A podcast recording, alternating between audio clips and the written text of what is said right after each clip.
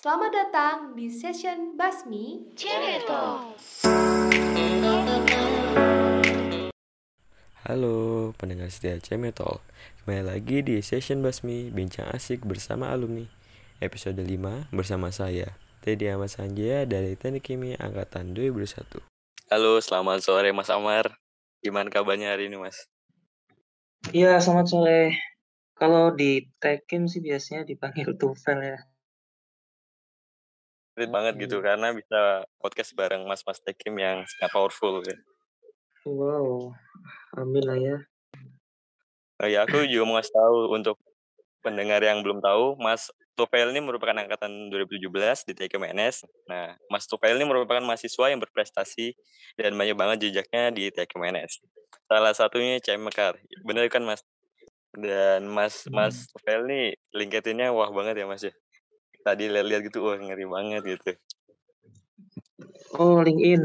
Iya, Ya, itu buat ngisi-ngisi aja sih. Jadi kalau teman-teman misalkan mau fokus buat di kerjaan bisa dimulai juga tuh dari membangun personal branding atau buat buat konten sederhana di LinkedIn.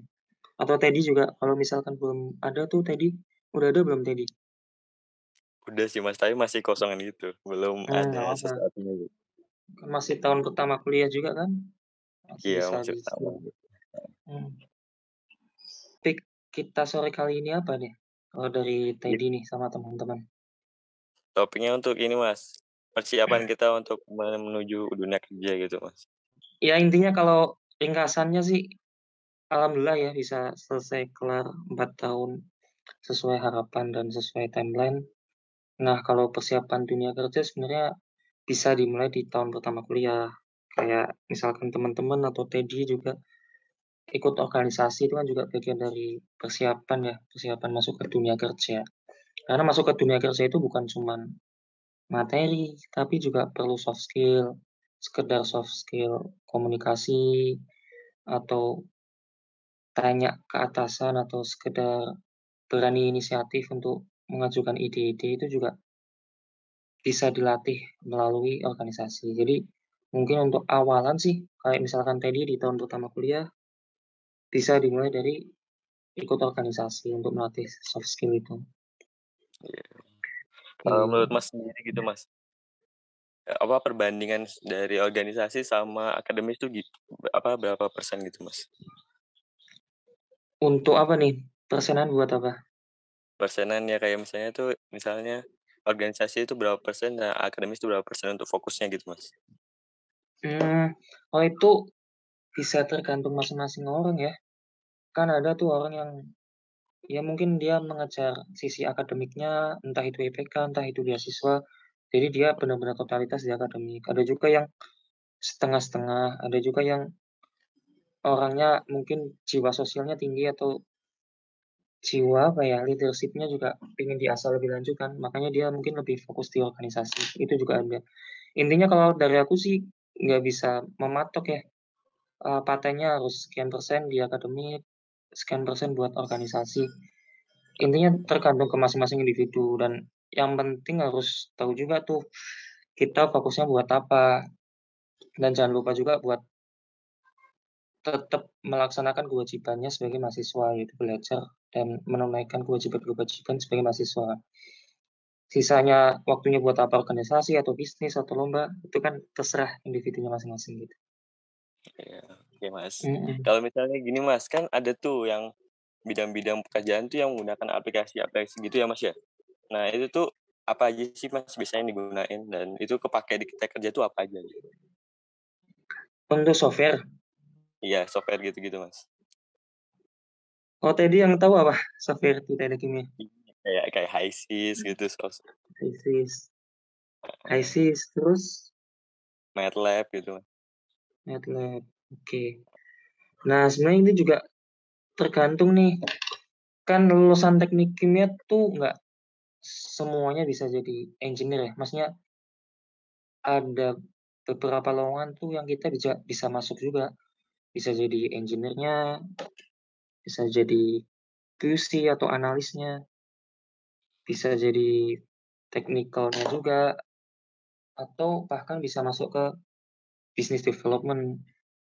Nah, kalau ditanyakan software mungkin beberapa ada yang kepake misalkan ke MATLAB, itu temanku yang di bagian analis tuh MATLAB kepake. Ada juga yang di bagian engineer dia kepake juga HYSYS. Kalau di bidangku di water treatment, pengolahan air, sama wastewater treatment sebagai engineer itu software HYSYS, Aspen gitu malah nggak kepake. Ada software baru lagi buat desain perancangan, namanya software Tore, Tore Design. Tapi sebelum masuk ke software-software aplikasi teknik sih, yang lebih dulu harus dipelajari biasanya konsepnya sih. Soalnya percuma kan kalau kita mempelajari software, tapi konsep dasarnya kita nggak tahu. Konsep dasarnya yaitu matematika, fisika, termodinamika. Kalau Teddy udah belajar termodinamika belum? Belum Mas, masih nanti semester Belum. 3. Nah itu, nanti semester 3 itu itu sebagai dasar itu. Jadi pengaplikasian software itu ya ada dasarnya kan nggak cuma asal ngeklik atau coba-coba ini itu, trial ini itu harus paham tuh desainnya mau apa sih gitu. Tapi banyak juga sih sekedar Excel gitu untuk perhitungan juga banyak di beberapa perusahaan juga memakai. Berarti aplikasi dasar gitu kayak Excel tuh pakai banget ya Mas ya? Iya, intinya kalau boleh usul sih konsep dasarnya dulu. Nanti kalau konsepnya dasar udah bisa untuk pengaplikasian software itu hanya cuman alat aja buat mempercepat perhitungan aja. Oke. Oh iya Mas, kalau boleh tahu tadi kerja di bidang apa Mas? Sekarang? Di bidang WTP, WWTP. Itu biasanya teman-teman yang udah belajar utilitas tahu ya tentang water treatment dan wastewater treatment. Jadi bidang itu mempelajari masalah utilitas, masalah pemasukan air bersih untuk kebutuhan perusahaan, dan pengolahan air limbah di perusahaan juga. Gitu. Untuk secara singkat seperti itu. Nah, ya oke Mas. Ada gambaran kah tahun pertama mau masuk di bidang apa? Kayaknya belum sih Mas, tapi udah kayak minat ke ini Mas, apa namanya yang ini food and beverage gitu Mas. Apa? Di bagian food and beverage, tapi nggak tahu belum bagian bidang-bidangnya Oh. itu belum belum belum ke jurus gitu. FMCG ya? Iya. Oke, banyak juga sih alumni Tekkim yang kalau misalkan Teddy juga minat bisa tanya-tanya, pasti alumni Teknik Kimia UNS juga bakal terbuka buat ditanyakan seperti itu. Hmm. Oke Mhm. Mas. Nah, aku kan tadi lihat ini ya Mas ya, di LinkedIn-nya Mas Mas Tufail. Nah itu tuh udah berapa banyak banget ini bidang-bidangnya yang Mas Tufail ambil. Nah kan pasti ada sebelum masuk tuh bertemu sama HRD ya Mas ya? Nah itu Hmm, tuh bidang apa tuh? Mana Mas? Bidang apa tuh maksudnya? Kok tadi bidang-bidang Bidang banyak? itu banyak ada perusahaan-perusahaannya gitu saya tadi lihat kan Mas. Oh, oke. Lihat Hmm. beda-beda gitu ya Mas. Berarti kan pengalaman Hmm. untuk masuknya tuh berarti banyak banget gitu Mas. Nah itu HRD itu biasanya apa sih yang pertimbangan untuk menerima kita gitu Mas, untuk masuk ke pekerjaannya itu? Hmm, oke. Jadi pertimbangan HRD itu banyak dan itu mungkin juga ada sisi sub subjektifnya juga. Ada beberapa, ada juga yang memang melihat potensi kita secara keseluruhan. Cuman yang aku tahu umumnya ya HRD itu dia melihat track record kita di selama kuliah di kampus. Misalkan nih kegiatan akademis, bisa jadi itu topik penelitiannya atau topik TA-nya juga dicek ya. Tapi biasanya kalau HRD lebih ke general sih, bukan masalah teknikal. Misalkan pengalaman organisasi atau, "Oh linear nih pernah magang di bidang ini, sedangkan pekerjaan ini juga di bidang itu." Itu HRD juga melihat. Atau punya prestasi apa, itu juga bisa dilihat. Gitu. Kalau kalau ini Mas, Hmm. kayak IPK gitu Mas, ngaruh nggak sih kalau di HRD gitu Mas? Hmm, sebenarnya gimana ya, aku juga belum bisa jawab tuh, kalau IPK itu ngaruh apa enggak. Cuman yang setahuku sih asal di atas 3 gitu sudah aman. Karena ada beberapa perusahaan yang IPK minimal 3, ada juga yang IPK minimal 3,2. Jadi kalau misalkan di atas itu sih untuk cari aman ya itu sudah bisa sih buat apply beberapa pekerjaan. Oke, Mas. Jadi entah itu cum entah itu pas misalkan 3,2 itu nggak masalah, itu bisa di-support dengan misalkan organisasi kita atau kegiatan aktivitas kita yang positif ya selama di kampus, itu bisa di-support. Kalau kalau ini Mas, kan bentar lagi tuh, kakak apa, kating-kating kan lagi ini Mas, KP. Nah itu tuh, KP itu berpengaruh banget nggak sih Mas, kalau pas HRD gitu? Nah, berhubung aku dulu ada beberapa pengalaman magang ya, magang atau KP. Jadi KP yang pertama tuh di Aneka Gas, itu sebagai membantu produksi lah pendataan produksi, ikut maintenance alat juga. Itu di bidang ya gas lah ya, gas oksigen ya. Terus magang yang kedua itu online sih, jadi mungkin kurang ya magangnya. Selama tiga bulan tuh di Pupuk Sriwijaya. Pupuk Sriwijaya online sama temen. Nah yang terakhir tuh Proyekan, ya mungkin hitungannya magang juga ya, proyekan 4 bulan setelah lulus, itu di bidang water treatment juga yang aku geluti sekarang. Nah, kalau ditanya apakah ada hubungannya? Kalau bagiku ada ya, karena mungkin aku keterima kerja sekarang juga pertimbangannya karena dulu aku punya pengalaman magang yang linier atau yang sesuai dengan bidangku yang sekarang, yang aku apply sekarang. Nah, walaupun misalkan itu nggak berpengaruh, seenggaknya itu bisa jadi pengalaman buat teman-teman sih, "Oh, ternyata kerja itu gini ya rasanya." Atau misalkan teman-teman yang magang di oil and gas, tapi di oil and gas, "Oh, tahu nih ternyata bidang oil and gas itu, uh, kerjaannya seperti ini, bidang itu bidang ini kerjanya seperti ini, permasalahannya seperti ini." Nanti kan setelah magang bisa dikira-kira tuh oh kayaknya ini kurang cocok deh buat bidang aku atau oh kayaknya ini bidang yang menarik buat aku geluti di pasca kampus setelahnya. Nah itu minimal dapat itu sih setelah magang itu harusnya ya. Dapat suasana lah atau dapat tahu nih minimal tahu nih oh ternyata bidang ini tuh kerjanya seperti ini gitu. Jadi penting sih menurutku magang itu. Oke, Bahkan bisa Mas. membantu juga buat karir kita. Itu Berarti tadi. ya Berarti pengalamannya itu ya, Mas, ya, yang berharga banget untuk di kafenya itu. -mm, penting sih. Biar tahu suasananya juga kan, suasana kerja itu gimana.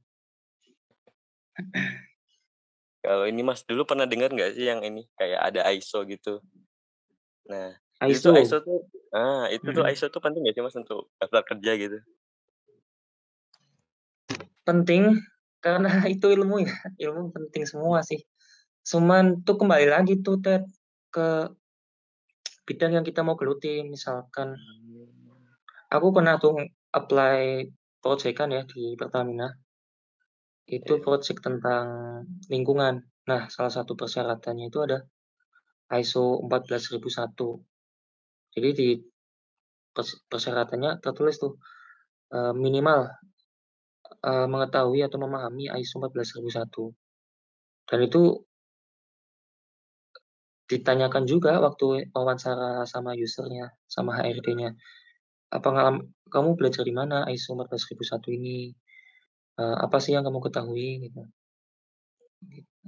Terus disebutin juga studi kasusnya tentang ISO 14001 itu.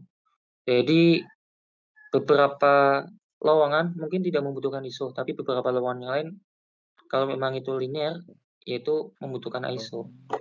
Nah, kalau teman-teman tahu kan ISO ada beberapa jenisnya ya, ada ISO 14001 itu kan tentang manajemen lingkungan, ISO 50001 yeah. kalau nggak salah itu tentang manajemen energi. Nah, biasanya uh, ada yang paketan tuh, ada yang sekalian dapat ISO-ISO ini ini ini ini gitu. Ada juga kalau teman-teman mungkin ada yang berbayar, di website juga ada beberapa yang gratis. Jadi kembali lagi ke keinginan keinginan keingintahuan teman-teman tuh, sebenarnya di internet juga banyak buat website akses itu. Penting sih ISO, walaupun beberapa lowongan nggak mensyaratkan itu. Tapi Kalau gini Mas, aku mau nanya Mas, kan misalnya nih, Mhm. kan aku lagi posisinya lagi semester 2 ya, habis itu Hmm, itu iya. daftar daftar ISO gitu. Nah, tapi pas mau lulus tuh malah lupa ini materi-materi ISO-nya gitu Mas. Nah itu gimana Mas? Heeh, nggak ada salahnya sih buat memulai di semester 3. Misalkan pun lupa nanti diulang pun pasti ada ingat-ingat sedikit yang itu nanti mempermudah buat pemahaman selanjutnya. Atau bahkan misalkan lupa itu pun masih basic sih ISO itu, masih dasar-dasar gitu. Jadi kalaupun diulang nanti bakal cepet kok mengulangnya, jadi nggak masalah. Oke, Tapi biasanya kalau di HMT kan juga ada ya? Ada, heeh. itu ya, ISO ya, sama Iya, ada. kerjasama dengan lainnya. Mhm.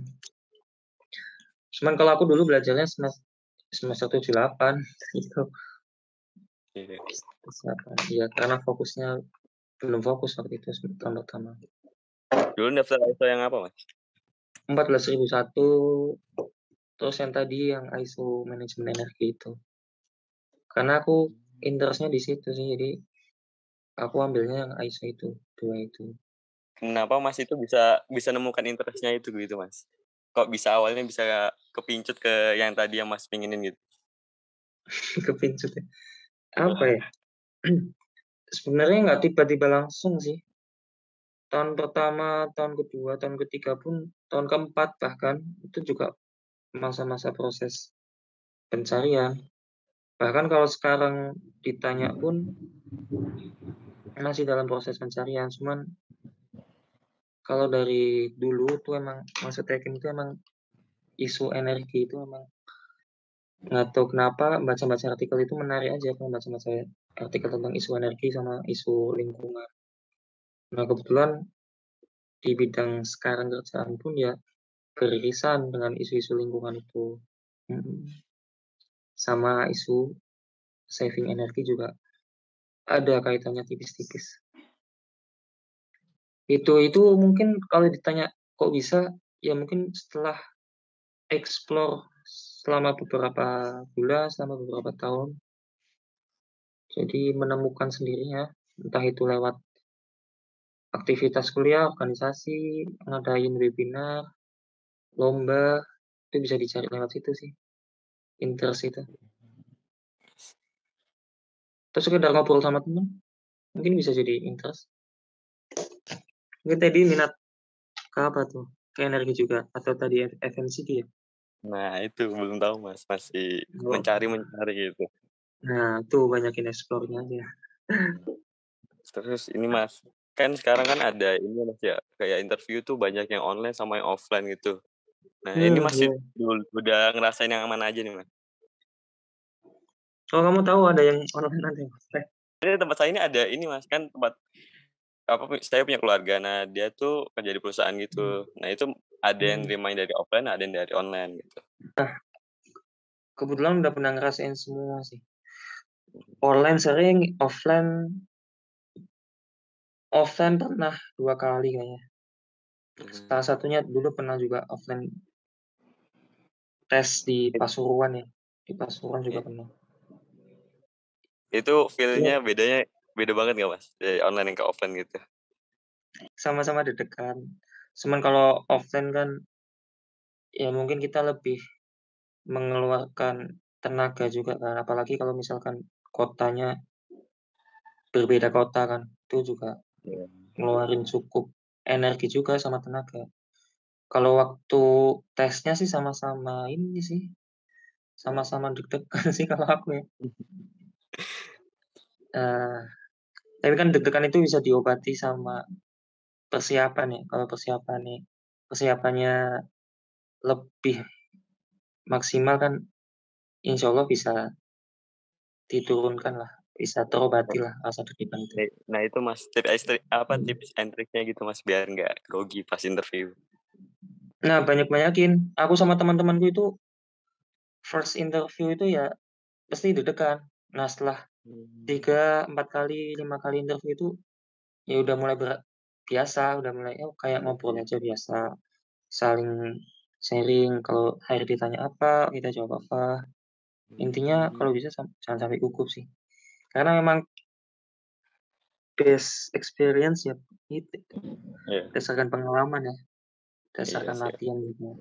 Karena ini ya, jadi catatan juga mendapatkan pekerjaan itu bukan satu kali kita apply, satu kali kita lamar itu langsung dapat ya, biasanya ada masa-masa penantian, entah itu sekian bulan atau berapa kali lamaran.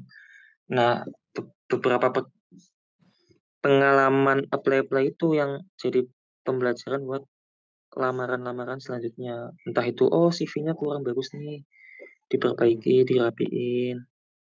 Oh ternyata aku gagal di proses interview. Nah itu biasanya jadi pengalaman buat interview selanjutnya di PT selanjutnya. Oh ternyata aku kurang tenang jawabnya atau, eee, kurang sopan misalkan waktu interview.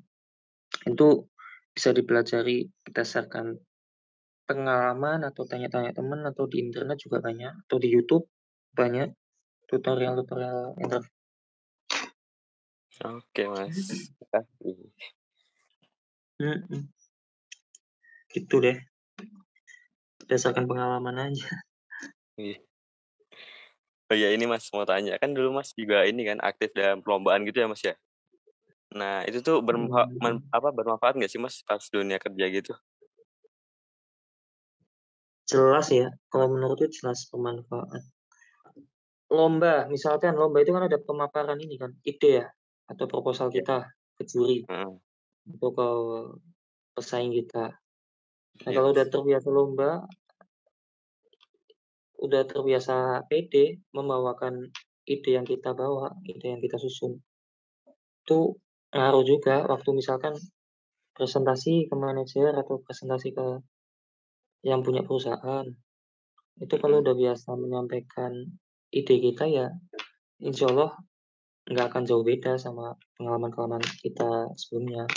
Bahkan bisa lancar kalau kita sering mengulang-ulang. Itu yang pertama dari segi eee, kepedean ya. Iya. Terus dari segi komunikasi, kan di lomba kan kita juga dalam tim ya biasanya, Iya iya manajerial bener. tim. Karena kita di realisasinya di dunia kerja juga nggak kerja sendiri-sendiri. Di tim kita ada beberapa orang, dan itu nggak cuman di bidang kita, kan ada bidang lain juga yang kita juga harus koordinasi dengan mereka. Menyatukan visi, kalau lomba kan juga gitu, menyatukan visi kan. Tahu lomba buat apa Iya. sih? Terus manajemen waktu juga, lomba itu kan susah tuh nyari waktunya. Tugas Iya. kuliah, ada organisasi, nah kita juga harus nyusun proposal buat lomba kan. Nah realisasi di dunia kerja juga gitu, deadline itu bahkan bisa lebih padat dari ini ya, organisasi sama aktivitas kampus.